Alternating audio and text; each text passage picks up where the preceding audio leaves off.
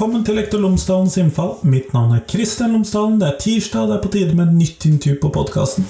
Denne ukens intervju er med Kristoffer Hundershagen fra Eduplation. Han har med seg Ingvild Vikingsen Skogestad fra Fjell kommune og Digg læring. Hun har tidligere vært med på podkasten for å snakke om den heldigitale skolen Knappskog skole, og hun har også vært med på mange andre podkaster om nettopp digital skole.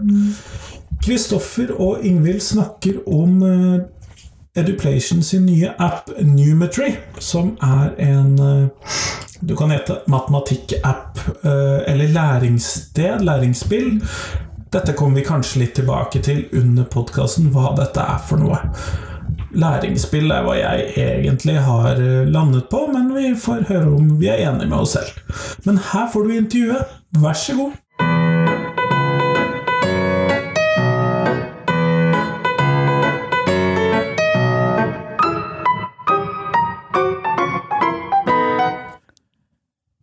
Kristoffer Hundershagen og Ingvild Skogstad, tusen takk for at dere har tatt dere tid til meg i dag. Takk for at vi fikk komme. Før vi starter selve intervjuet, så lurte jeg på om eh, vi kunne få blitt litt bedre kjent med dere. Og Kristoffer, kunne du fortelle oss tre ting om deg? Ja, det er jo alltid vanskelig å plukke ut tre ting, da. Så spennende er vel ikke livet mitt. Men tenk at det, det må være noen ting som eh, kanskje ikke alle veit. Um, nei, jeg er vel en uh, over, eh, over snittet kritisk person. Jeg liker alltid å se etter forbedringer i ting. Så jeg har en tendens når jeg går ut på gata og uh, irriterer meg over hvorfor er ikke ting sånn, hvorfor fortsetter vi å gjøre det sånn.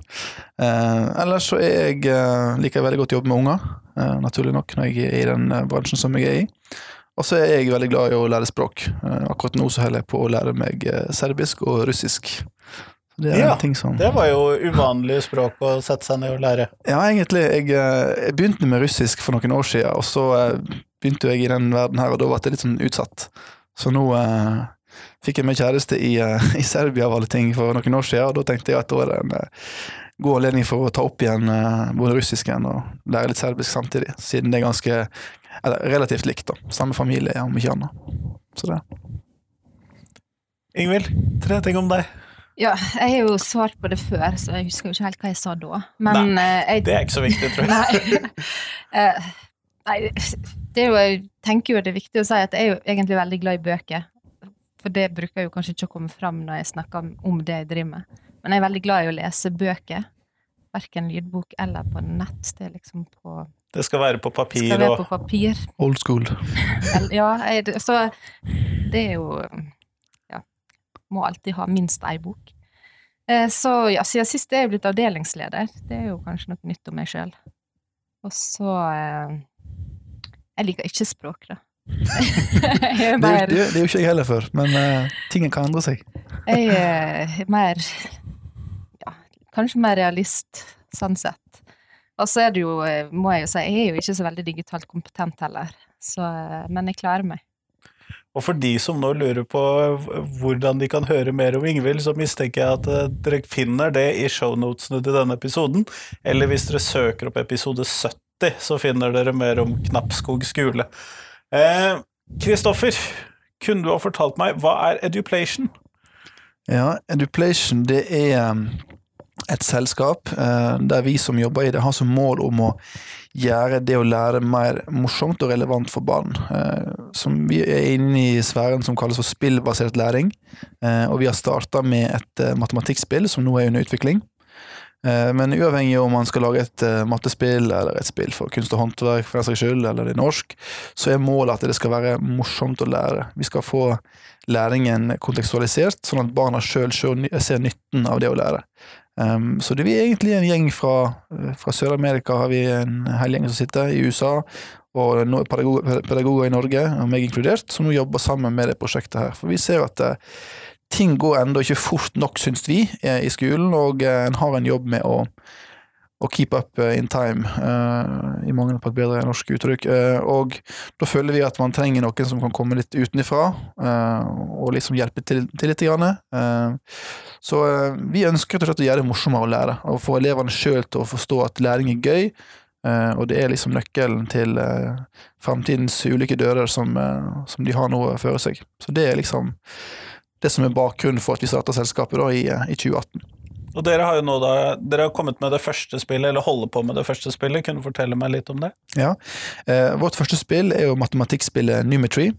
Eh, sånn som med resten av spillet, så er det utvikla i tett samarbeid med med, med barn, som navnet, eh, figurene, eh, lydene, eh, grafikken, premien inni spillet, alt er utvikla i samarbeid med barn. Så vårt mantra er litt at vi, vi skal ikke anta at vi veit hva som er det beste for barna. Selvfølgelig noen avgjørelser tar jo vi òg, men vi ønsker å være tett på både lærerne og elevene, sånn at det er de som til sjuende og sist bestemmer hva er det de vil se i et spill, og hvordan det skal fungere. Så spillet handler om en eh, gruppe astronauter 200 år fram i tid, som forsvinner i et, eh, en fremmed galakse, eh, og nå må da familien og vennene ut for å finne ut hva som har skjedd med dem. Eh, og så er det et spennende plott inni her som tilsier det at all elektronikk har slutta å fungere når de kommer fram til den galaksen, og det er da liksom hooken. Da må elevene bruke hodet sitt for å klare å finne ut hva som har skjedd med, med denne her forsvunne ekspedisjonen som reiste ut for uh, noen år i forveien. Alle disse hjelpemidlene funker ikke lenger, Nei. så de må regne ut sjøl ja, og sånn? God gammeldags hoderegning og uh, ja, de må rett og slett nytte kunnskapen sin da, for å finne ut hva som har skjedd. Og så er det et stort overordna mysterium og masse sånn spennende møte med romvesen og uh, kunstig intelligens og ting som det der, som jeg ikke skal røpe for mye av nå.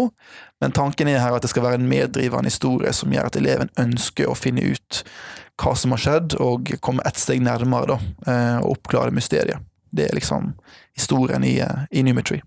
Men har dere testet, eh, eller hvordan har dere testet dette ut på elever osv.?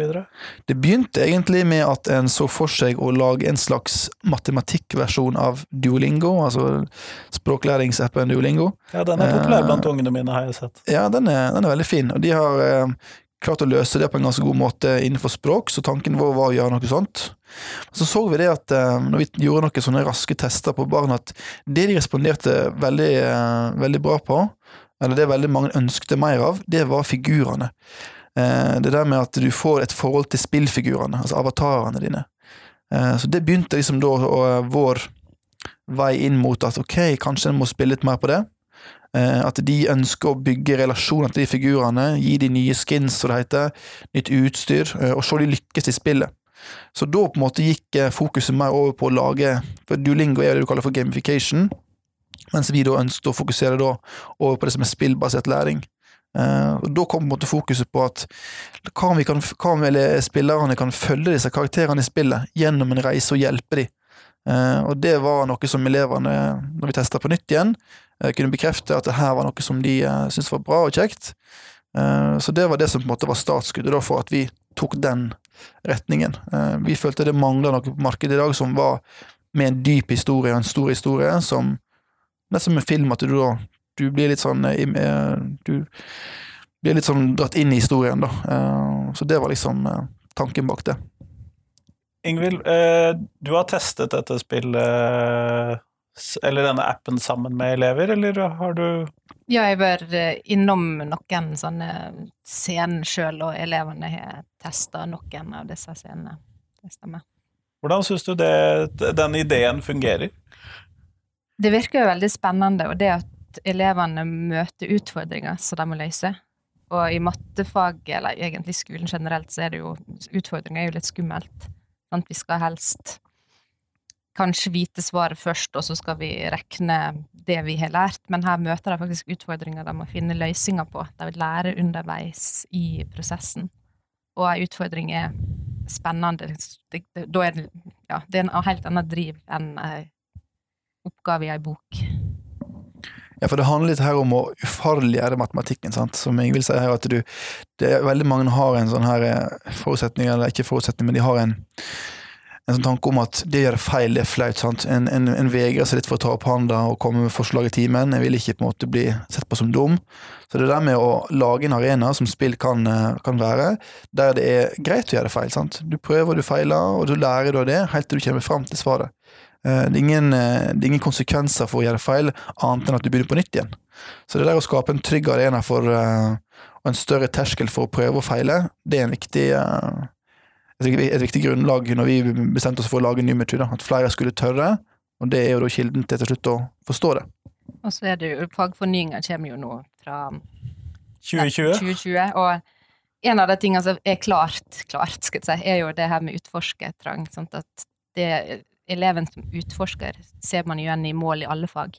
At elevene faktisk skal prøve og teste og Feile litt. feile litt og prøve på nytt igjen. Og det jeg tenker med slik som duplation, er jo det å lære utforskerkompetanse. Sant? Det å kunne dra paralleller fra hvordan vi jobber når vi spiller, til hvordan vi tenker når vi møter andre utfordringer. Og hjelpe elevene da å dra parallellene at når vi opplever det her i spill sant? Det er spennende med utfordringer i spill. Hva gjør vi for å løse dem? Hva gjør vi med utfordringer ellers i livet, eller i matematikken eller i andre fag? Og hjelpe elevene da å dra paralleller til at utfordringer ikke er skummelt. Vi lærer faktisk ved å prøve å løse dem. Og i og med at du har en, en stor overordna historie her, sant, så er det et ekstra insentiv for elevene til å faktisk løse utfordringene. Eh, Spillet Numetry fungerer på følgende måte. altså Du har et stort overordna problem, som jeg var inne på innledningsvis, og så har du masse, masse minispill da, som da korresponderer med ferdighetene i matematikkfaget. Sånne Som- små oppgaver som Ja, du må løse. Den. Missions eller oppgaver, sant. Ja. Eh, og som da selvfølgelig tilpasser seg eleven sitt, eh, sitt ferdighetsnivå. Men det er jo der da på en måte vi ønsker å kontekstualisere matematikken. Eh, tanken er at eh, matematikken er da veva inn i, i spillmekanikken. Sånn at eleven tenker ikke nødvendigvis over at ok, her blir jeg lurt til å lære meg om koordinatsystemet, eller om statistikk. De Men de ender opp med å gjøre noe med Ja. koordinatsystemet, Ja. eller Så de klarer ikke alltid å forklare hvorfor de har lært noe nytt. De bare Ja, men det er bare sånn. Jo, fordi at, eh, at de, Så er det viktig på en måte at spillet klarer å visualisere matematikken. Sant? Det klarer ikke en matematikkbok like godt. Så det er òg en av styrkene her, at eh, elevene får sett altså, fysisk eh, konsekvensene av sine valg. Sant? Og da er det enklere å kunne gjøre vurderinger for å prøve på nytt igjen. Sant? Hvorfor var ikke det her riktig? Det er ikke det så enkelt å få til i en, eh, i en 2D tradisjonell mattebok. Så det at det kanskje er litt reelle utfordringer, at vi trengte faktisk matten for å løse det her. ja, men... at matte er ikke og, og matte i mattebok er ofte en sånn løsreven del av universet. Skal si at du skal Er du god i matematikk tradisjonelt, er, blir du en god mattelærer. Mens den matematikken vi kanskje skal lære elevene, er den de møter i livet. Og det må møte reelle utfordringer og utvikle ja, den kompetansen ser vi som viktig. Og det å kunne jobbe tverrfaglig med matte. Sant? Mange sier jo at matte er kanskje det faget man har problemer med å putte inn i tverrfaglige prosjekt, i tverrfaglige rammer. Men jeg tenker egentlig motsatt, at det er jo livet er fullt av matematikk. Vi må bare identifisere det til elevene. det er kanskje elevene. skolematten som er mest ja, nettopp. Det er skolematten, og jeg- det er jo ikke Det er veldig sjelden jeg møter et mattestykke når jeg går på butikken. Det er sjelden det detter sånn multiplikasjonsstykke ned i hodet mitt, som jeg løser det fordi at jeg skal kjøpe ei vare. Sant? Men jeg bruker jo matte mens i min runde i butikken likevel.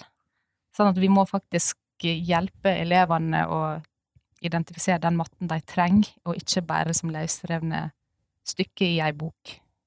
Jeg syns jo det er veldig interessant dette med, som du nevnte i stad, med utforskertrangen og det eh, at den skal utvikles, og at elevene kanskje er redd for å gjøre feil. Eh, for jeg har selv en guttunge som er veldig redd for det å gjøre feil å ikke ha det riktige svaret til enhver tid. Men jeg ser jo at han sitter i et eller annet dataspill, eller PlayStation-spill, da er det faktisk hjemme hos meg, og sitter og gjør den samme oppgaven tusen ganger for å Mm. faktisk få den til. og gå tilbake for å se om det var noe man faktisk gikk glipp av som gjør at man får det til. Sånn Fortnite er jo flere um, eksempel på det, at du må faktisk tilegne deg litt kunnskap for å vite hvordan du kommer deg videre. Du må gjøre det i riktig rekkefølge og sånn. Ja, ja og, hvor- og det er jo matte. Sant? Det er jo sånn problemløsning, algoritmisk tankegang, som også skal inn nå med fagfornyinga. Og elevene skjønner det når de sitter hjemme og spiller. Og vi bruker en del Minecraft på skolen også, sånn all den matten de bruker der. Og hvorfor da ikke gi dem et spill, i tillegg til andre ting vi driver med på skolen, men der de får utforske og bli glad i matte? Ja, det er viktig, bare for å fortsette litt på det som Ingvild sier der. Det er ikke meningen at det spillet her skal på en måte erstatte lærerne på noen måte. Det skal være et verktøy um, som de kan bruke for å understøtte matematikken, eller underbygge matematikken og det de har lært, og være en arena der, um, der barna som sagt kan prøve og feile, uh, og uh, få visualisert matematikken på en måte som gjør at diskusjonen i klasserommet blir enklere å, å gjennomføre. Og så blir den vel selgeretten også, vil jeg tro, siden du ikke kommer videre. Ja, så de kommer ikke videre før de har løst det, sant? så du får den der med som Ingvild sier, at du, du er nødt til å forsøke helt til du får det til. Og så gjelder det da på en måte å gå tilbake og se om du har Er det noen hint som du har gått glipp av, du ikke har fått med deg? Eh, så det er liksom det å finne sånne lure måter å Altså, vi har, vi har ikke trua på at elevene ønsker å bli fortalt hva de skal gjøre. Så når vi skal for eksempel vise de et eh, Eller de skal prøve et nytt eh, oppdrag, et såkalt minispill, så, så sier ikke vi til dem at her skal du flytte den bort dit, og så skal du gjøre dit. Men de må sjøl oppdage det. sant? Da, da har jo vi selvfølgelig og våre spilldesignere laga inn element som gjør at det, vi hinter til det, men de får en følelse av at det er de som gjør det. Det er de som oppdager det. Og når de oppdager det, så får de helt annen, et helt annet eierskapsforhold til, til læringen sin. Så blir det litt mer, da, da sitter det, ja, da sitter det, sitter det bedre forankra hos de etterpå. Uh, så det er det der med å få deg til å forstå at altså, veien er målet. Altså, det er jo å dyrke den, growth mindseten litt, sant. At ikke det er liksom bare De rømmer fra utfordringene som er store, men at de ser en utfordring, og så tenker de åh, det har jeg ikke peiling på hvordan jeg skal løse, men jeg skal klare det. Sant? Den er viktig. Og så tenker jeg også, det er sånn som Kristoffer sier, at læreren er ikke overflødig. Læreren sånn, skal være veileder i spillet, og kanskje oppfordre til samtale mens elevene spiller. Og så må jeg jo understreke, og jeg syns egentlig det er veldig dumt at jeg understreker men selvfølgelig er, det, er jo ikke det tanken at Eduplation-spillet Numetry skal erstatte all matteundervisning. Det er jo i tillegg til det vi gjør. Mm. I tillegg, de skal fortsatt de skal fortsatt rekne lærealgoritmene, de skal fortsatt gi praktiske forsøk. Og da liker jeg også tanken som Kristoffer har snakket om før, det med at kanskje foreldre kan få en instruksjon at i det emnet her så kan vi lage fruktsalat. Sant? At man kan faktisk hente matte ut fra det de spiller, til noe praktisk som vi enten kan gjøre i lag på skolen, eller man kan For det at den praktiske matten, det med å jobbe med konkret og sånn, men det er ikke det er ikke en enten-eller, det er en både-og. Og jeg tenker at Numetry blir et fantastisk supplement i skolen som vi mangler, i tillegg til det tradisjonelle. Ja, for det, det som hun sier her, er jo noe som er veldig viktig for, for vår utvikling, og som vi ser at uh, veldig mange kommer med tilbakemeldinger på at mangler, nemlig et sånt foreldrepanel som ikke bare sier til deg at ja, nå har Ole gjort det her, og han har ikke gjort det her, men som konkret og vekentlig gir deg et nyhetsbrev, for eksempel, bare for å lage et uh, eksempel til foreldrene, der det står konkret hva er det som Eh, vedkommende ikke mestrer ennå. Men da òg tips til hvordan foreldrene kan flette det her inn i hverdagen og skape diskusjoner. Sant? Om det er å f.eks. lage fruktsalat eller lage smoothie der de må doble oppskriften, eller Og så kan du på en eller annen måte vinkle det tilbake inn til spillet på at de, de, eh, de tjener seg poeng da, som foreldrene kan godkjenne inne. Altså, det er mange muligheter å gjøre det på.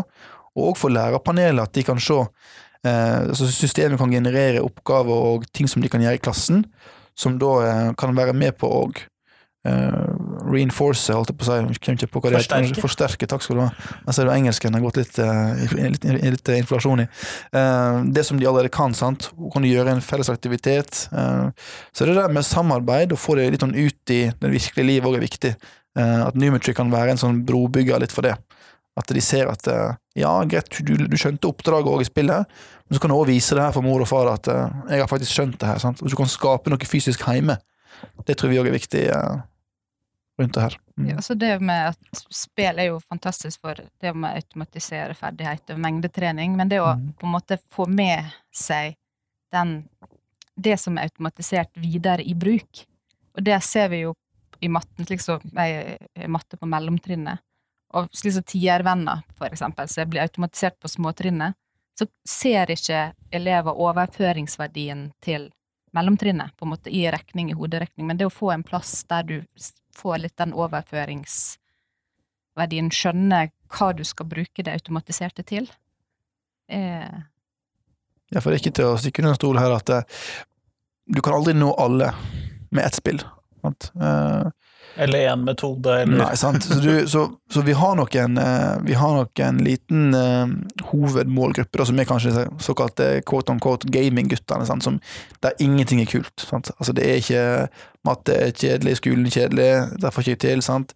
Så det er nok gjerne de vi på en måte retter oss mest mot, men det skal jo være et spill som skal fenge alle, selvfølgelig. Men for det, det du merker, da Jeg, har, eh, jeg er ikke utdannet lærer, men jeg har eh, arbeidet som lærer i noen år, og det som jeg har no, en, ting som jeg har lagt merke til, er at de guttene som Det kan godt hende det er flere, men i hvert fall i det eksempelet her, da. Veldig mange av de guttene som kanskje lager litt mye uro, og som det er alltid kjedelig. Eh, og de som spiller mye dataspill på fritida, de har ofte vanvittig godt nivå i engelsk, for eksempel. De kan jo ord i engelsk som til og med jeg ikke i dag kan. sant?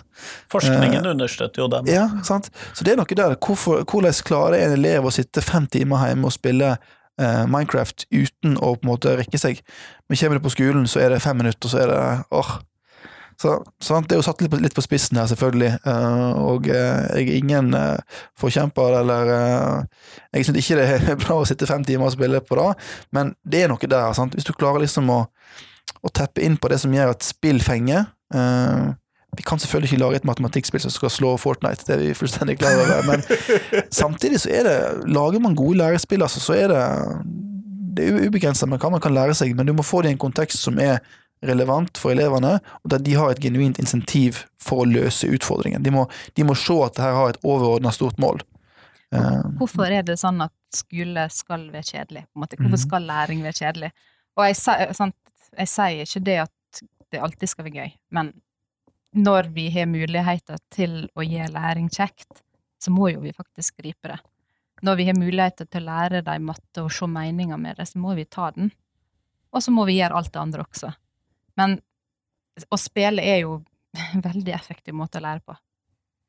Så jeg tenker jo kanskje at ved å bruke Numetree, så får vi enda mer tid til å gjøre de her praktiske tinga som vi ønsker å gjøre i, i klasser, og der du kan øve på, på eh, kompetanse som vi trenger å øve på.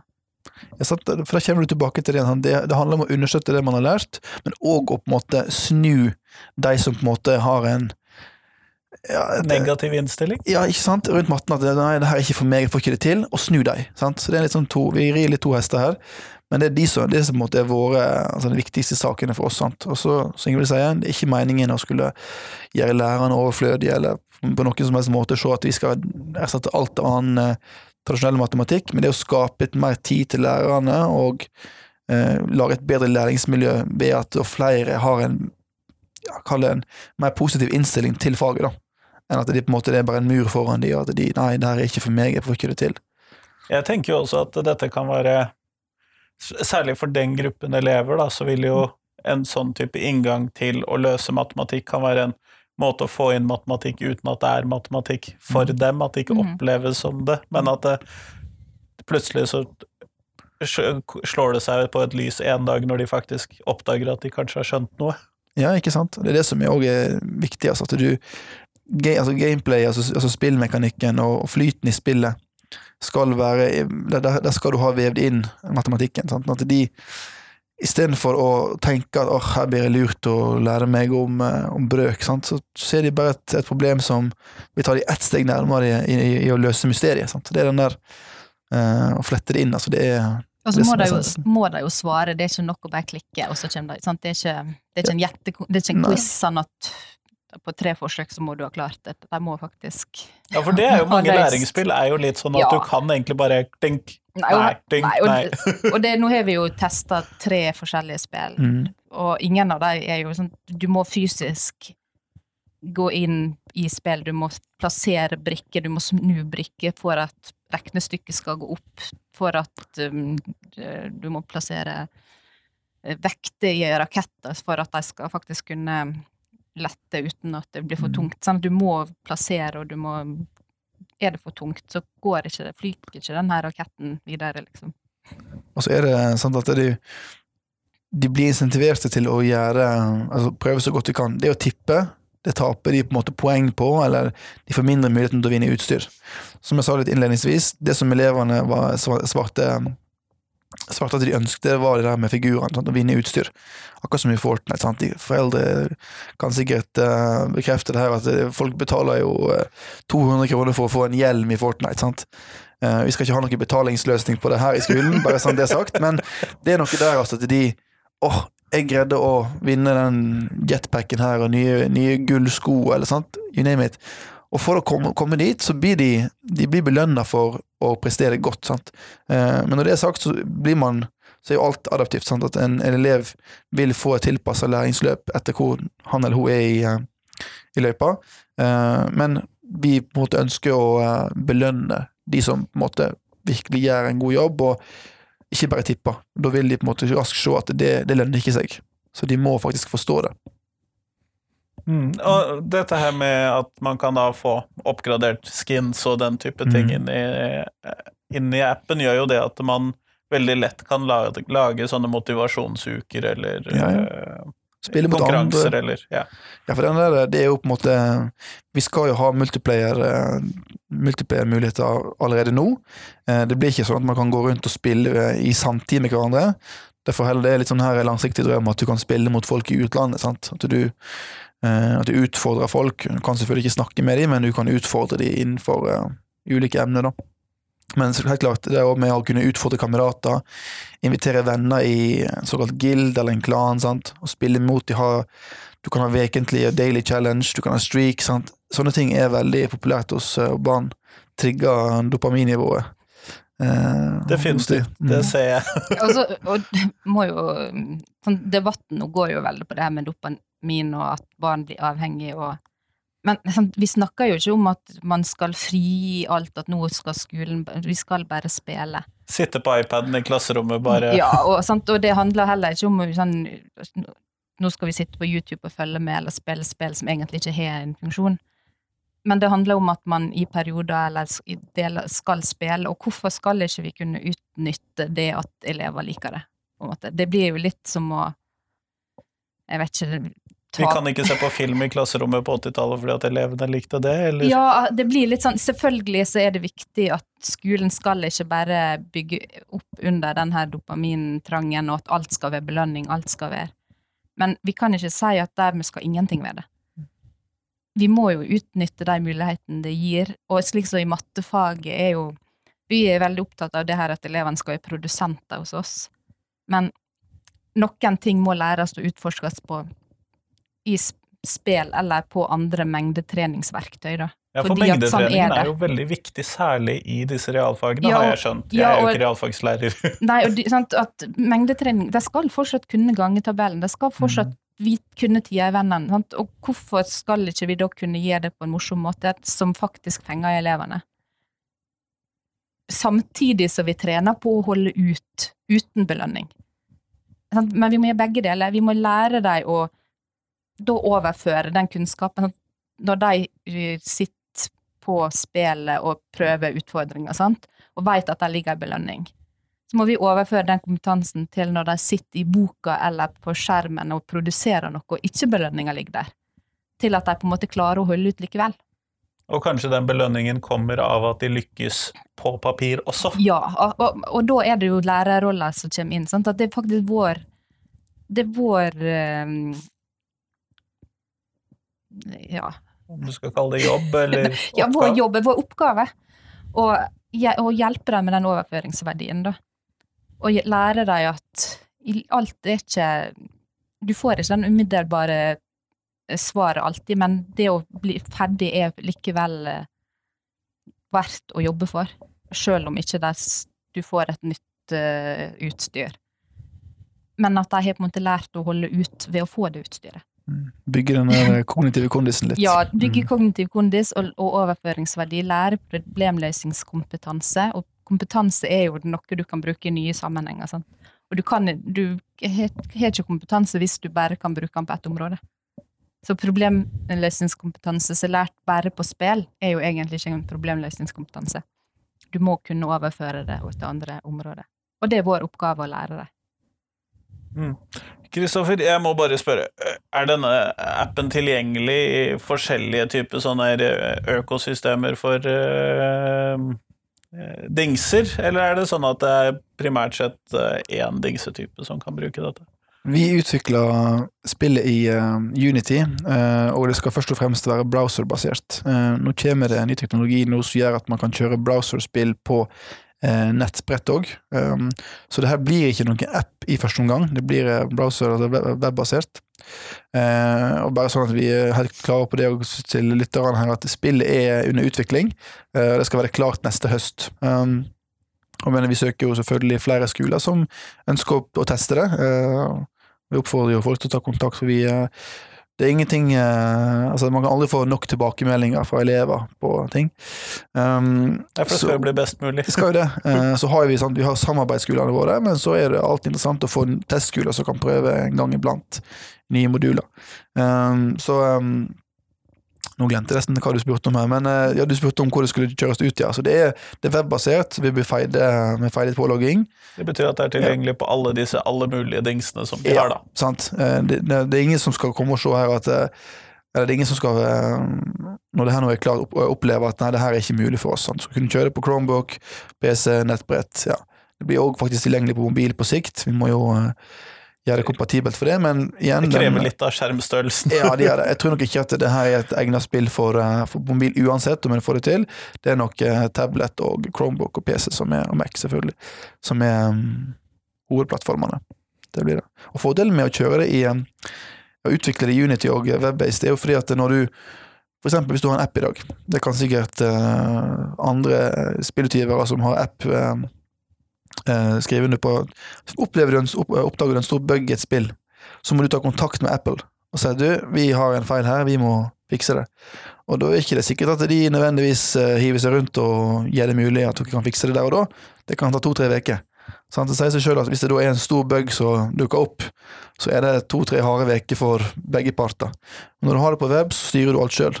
Da kan du sjøl eh, oppdatere og fikse ting i nesten i sanntid. Så det er ulike grunner at vi har valgt å, å, å ta den løsningen der. Mm. Kjempeflott. Vi går mot slutten av podkastintervjuet, og da så pleier jeg å stille et fast spørsmål til de jeg intervjuer. Eh, og det er hvis noe skal ut av skolen, hva er det du kaster ut sånn først? Og Kristoffer, hva kaster du ut av skolen?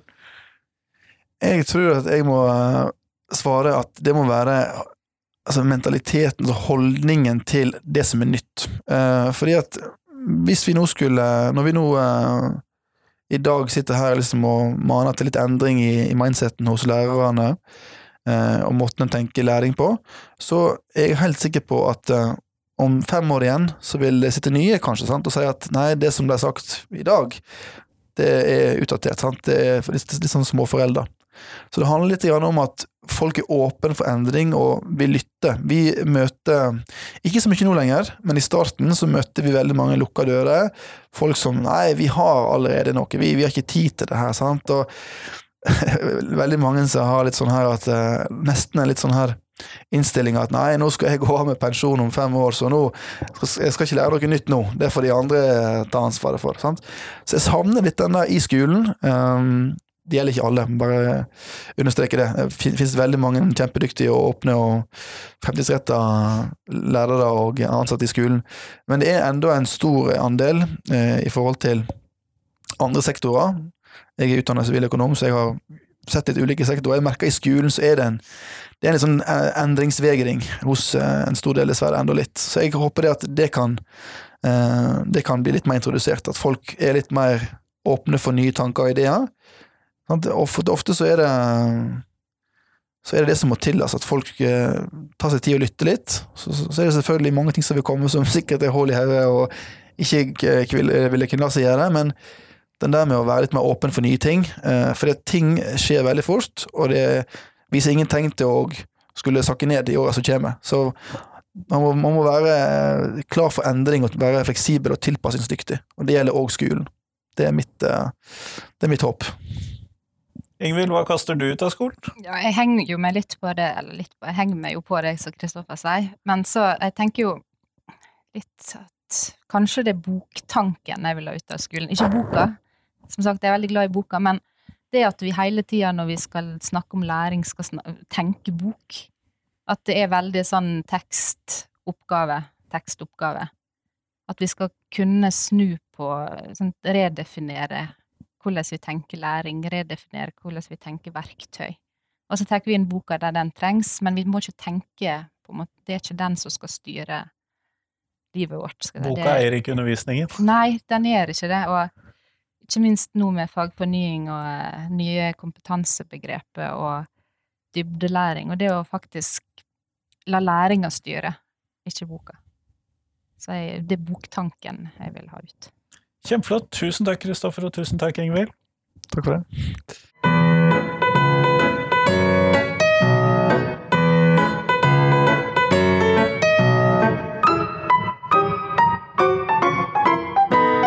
Tusen takk til Ingvild, til Kristoffer og til deg som hørte på. Nå er det én uke til neste podkastintervju på podkasten. Da er det Sigrun Gjerløf Aasland fra Tankesmien Agenda som kommer på podkasten. Hun er der for å snakke om eh, Det trengs en landsby, som er en bok hun har gitt ut på Respublica. Det er en bok som snakker om eh, ulikheter i Norge, sosial mobilitet, om skolen klarer, ikke klarer, eller hvordan, hva som skal til for å lykkes med å løfte folk ut av f.eks. fattigdom. Sånn det blir spennende. Det er om en uke. I mellomtiden, send meg ditt tips på hvem jeg bør prate med. Jeg har fått en del gode tips i det siste, men jeg skal jo fylle hele 2020 med podkaster også. Og det blir jo eh, minst 52 podkaster. Gjennomsnittlig ca. 61 per år, ser det ut som jeg ligger på nå. Sånn at jeg trenger tips til podkaster. Så send meg det, og så del podkasten med noen. Da blir jeg veldig glad. Hei, hei!